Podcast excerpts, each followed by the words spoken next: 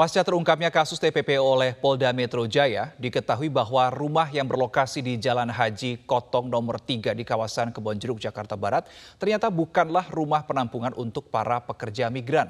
Pemilik rumah adalah seorang wanita paruh baya bernama Yeti, mengaku hanya membantu kerabatnya yang menitipkan 15 orang di rumahnya dan ternyata mereka adalah para pekerja migran ilegal. Dan berikut adalah hasil penelusuran reporter Rona Marina dan juru kamera Adam Alamsyah dari lokasi rumah di Jakarta Barat. Nah, seperti ini keadaannya di dalam sini. Rumah ini terdiri dari sekitar lima buah kamar begitu dan ada juga sebuah ruang tamu kabar dari pemilik rumah ini mengatakan bahwa para pekerja migran ini sebetulnya disimpan atau sempat dititipkan di lantai dua rumah ini. Namun keterangan langsung dari pemilik rumah Ibu Yeti sebetulnya tidak mengetahui apa-apa terkait dengan penitipan para calon pekerja migran ilegal tersebut. Ibu Yeti ini hanya mengetahui, hanya ingin berbaik hati saja bahwa dititipkan eh, beberapa orang yang nantinya akan katanya di diberangkatkan ke Nusa Tenggara Barat. Nah, jika dilihat dari keadaan rumah ini yang cukup besar dan juga eh, saat ini tadinya semalam itu eh, para pekerja migran itu disimpan di lantai dua, ini terlihat sekali bahwa uh, suasana ruangan ini lumayan luas yang menampung setidaknya 15 orang yang dititipkan kepada pemilik rumah. Yang mana pemilik rumah ini memang tidak tahu menau sama sekali terkait dengan para pekerja migran ini. Pemilik rumah tahunya bahwa pekerja migran ilegal ini akan dikembalikan ke tempat asalnya yakni Nusa Tenggara Barat. Padahal para pekerja migran ini sebetulnya akan dikirim ke Arab Saudi untuk bekerja di sana tanpa perizinan yang pasti. Semalam memang Polda Metro Jaya telah menggerebek rumah ini dan juga dari pihak kepolisian justru meminta maaf kepada pemilik rumah yakni Ibu Yeti bahwa rumahnya ternyata dijadikan sebagai tempat penampungan pekerja migran migran ilegal. Nah, dapat disimpulkan bahwa rumah di Jalan Haji Kotong nomor 3 RT 11 RW 3 Kebon Jeruk ke Jakarta Barat ini ternyata bukanlah rumah penampungan pekerja migran ilegal dan ini sudah dikonfirmasi langsung oleh Bu Yeti pemiliknya. Dan diketahui AG dan juga F yang merupakan suami istri ini yang sudah menjadi tersangka ini tidak bekerja sendirian. Mereka berdua bekerja sebagai penyalur. Sedangkan saat ini pihak kepolisian tengah memburu pelaku-pelaku lain yang diduga sebagai uh, pembuat paspor, kemudian pengecekan kesehatan dan juga perekrutan di tempat asal. Kini Pak Sutri ini tengah sudah ditahan dan akan dijerat dengan pasal 10 Undang-Undang Nomor 21 Tahun 2007 tentang tindak pidana perdagangan orang dan atau akan dikenakan pasal 81 Jungto, pasal 69 Undang-Undang Nomor 18 Tahun 2017 tentang perlindungan pekerja migran Indonesia dan akan diancam dengan kurungan selama 15 tahun penjara lamanya. Dari Jakarta, Rona Marina, ada Malam Syah, Metro TV. Setelah sempat dirawat di RSUD Tangerang, pemuda obesitas berbobot 300 kg akhirnya ditangani di Rumah Sakit Cipto Mangunkusumo, Jakarta. Proses evakuasi berjalan dramatis karena harus mengerahkan forklift untuk mengangkat tubuh Fajri dan terpaksa memakai truk terbuka untuk membawanya ke RSCM.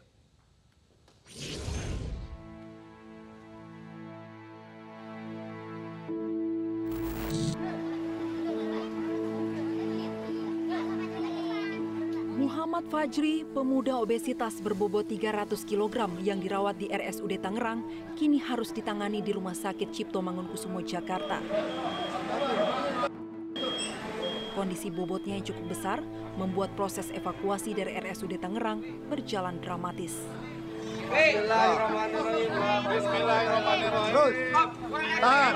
Pihak rumah sakit dibantu 10 personel BPBD terpaksa memakai forklift untuk memindahkan tubuh Fajri. Setelah satu jam, tubuh Fajri akhirnya berhasil dievakuasi dengan truk terbuka milik BPBD Kota Tangerang yang biasa digunakan untuk distribusi logistik.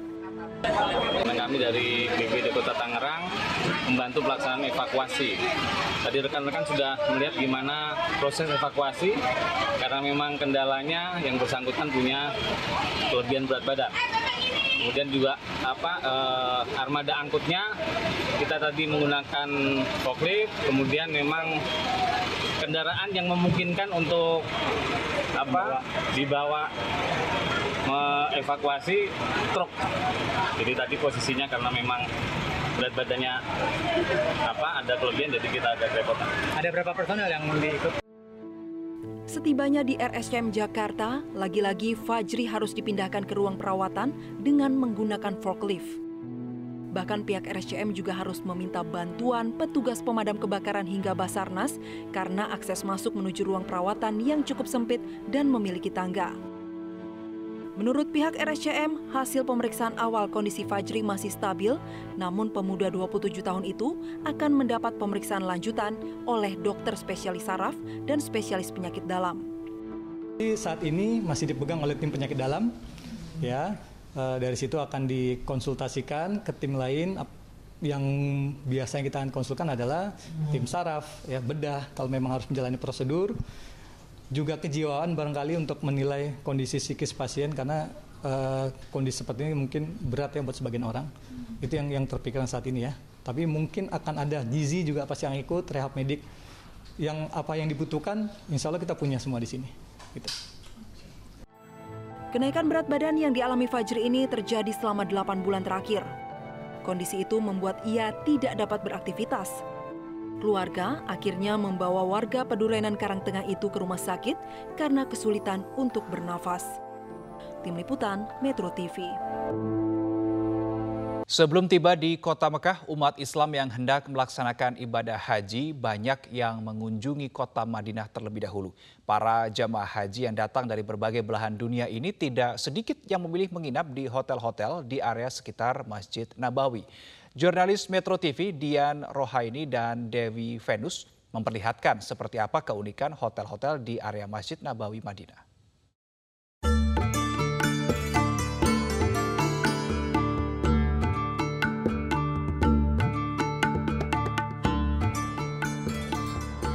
Madinah merupakan kota suci yang banyak dikunjungi oleh jemaah haji pada saat musim haji saat ini. Eh, kota Madinah saat ini sudah dipadati oleh berbagai eh, jemaah dari belahan dunia, berbagai belahan dunia. Mereka melakukan ibadah di Masjid Nabawi, masjid yang dibangun oleh Nabi Muhammad Shallallahu Alaihi Wasallam. Di masjid itu seperti kita ketahui, eh, umumnya para jemaah haji melakukan ibadah arba'in atau melakukan uh, sholat fardu 40 waktu tanpa terputus. Jadi mereka biasanya uh, menetap di sini uh, selama 8 atau 9 hari sebelum kemudian melanjutkan perjalanan ke Mekah untuk melaksanakan ibadah haji. Dan uh, para jamaah yang datang dari berbagai negara menginap di seputar Masjid Nabawi karena memang uh, Masjid Nabawi ini dikelilingi oleh hotel-hotel yang megah. Di kiri kanan juga di samping sana di belakang itu semua bahkan masih banyak juga yang masih dalam proses pembangunan. Dan menariknya desain-desain hotel yang ada di seputar Masjid Nabawi ini eh, mengambil desain yang sama. Karena memang pada era 90-an ketika ring pertama pembangunan hotel di seputar Masjid Nabawi ini diharuskan uh, memakai desain atau memakai arsitektur Islam. Jadi umumnya desain uh, dari satu hotel ke hotel yang lain sama. Kemudian uh, yang menarik lainnya adalah tinggi hotel dari setiap hotel yang ada di seputaran Masjid Nabawi ini tingginya juga sama. Uh, mengapa? Karena memang pemerintah setempat menetapkan aturan bahwa tinggi hotel itu tidak boleh melebihi menara Masjid Nabawi.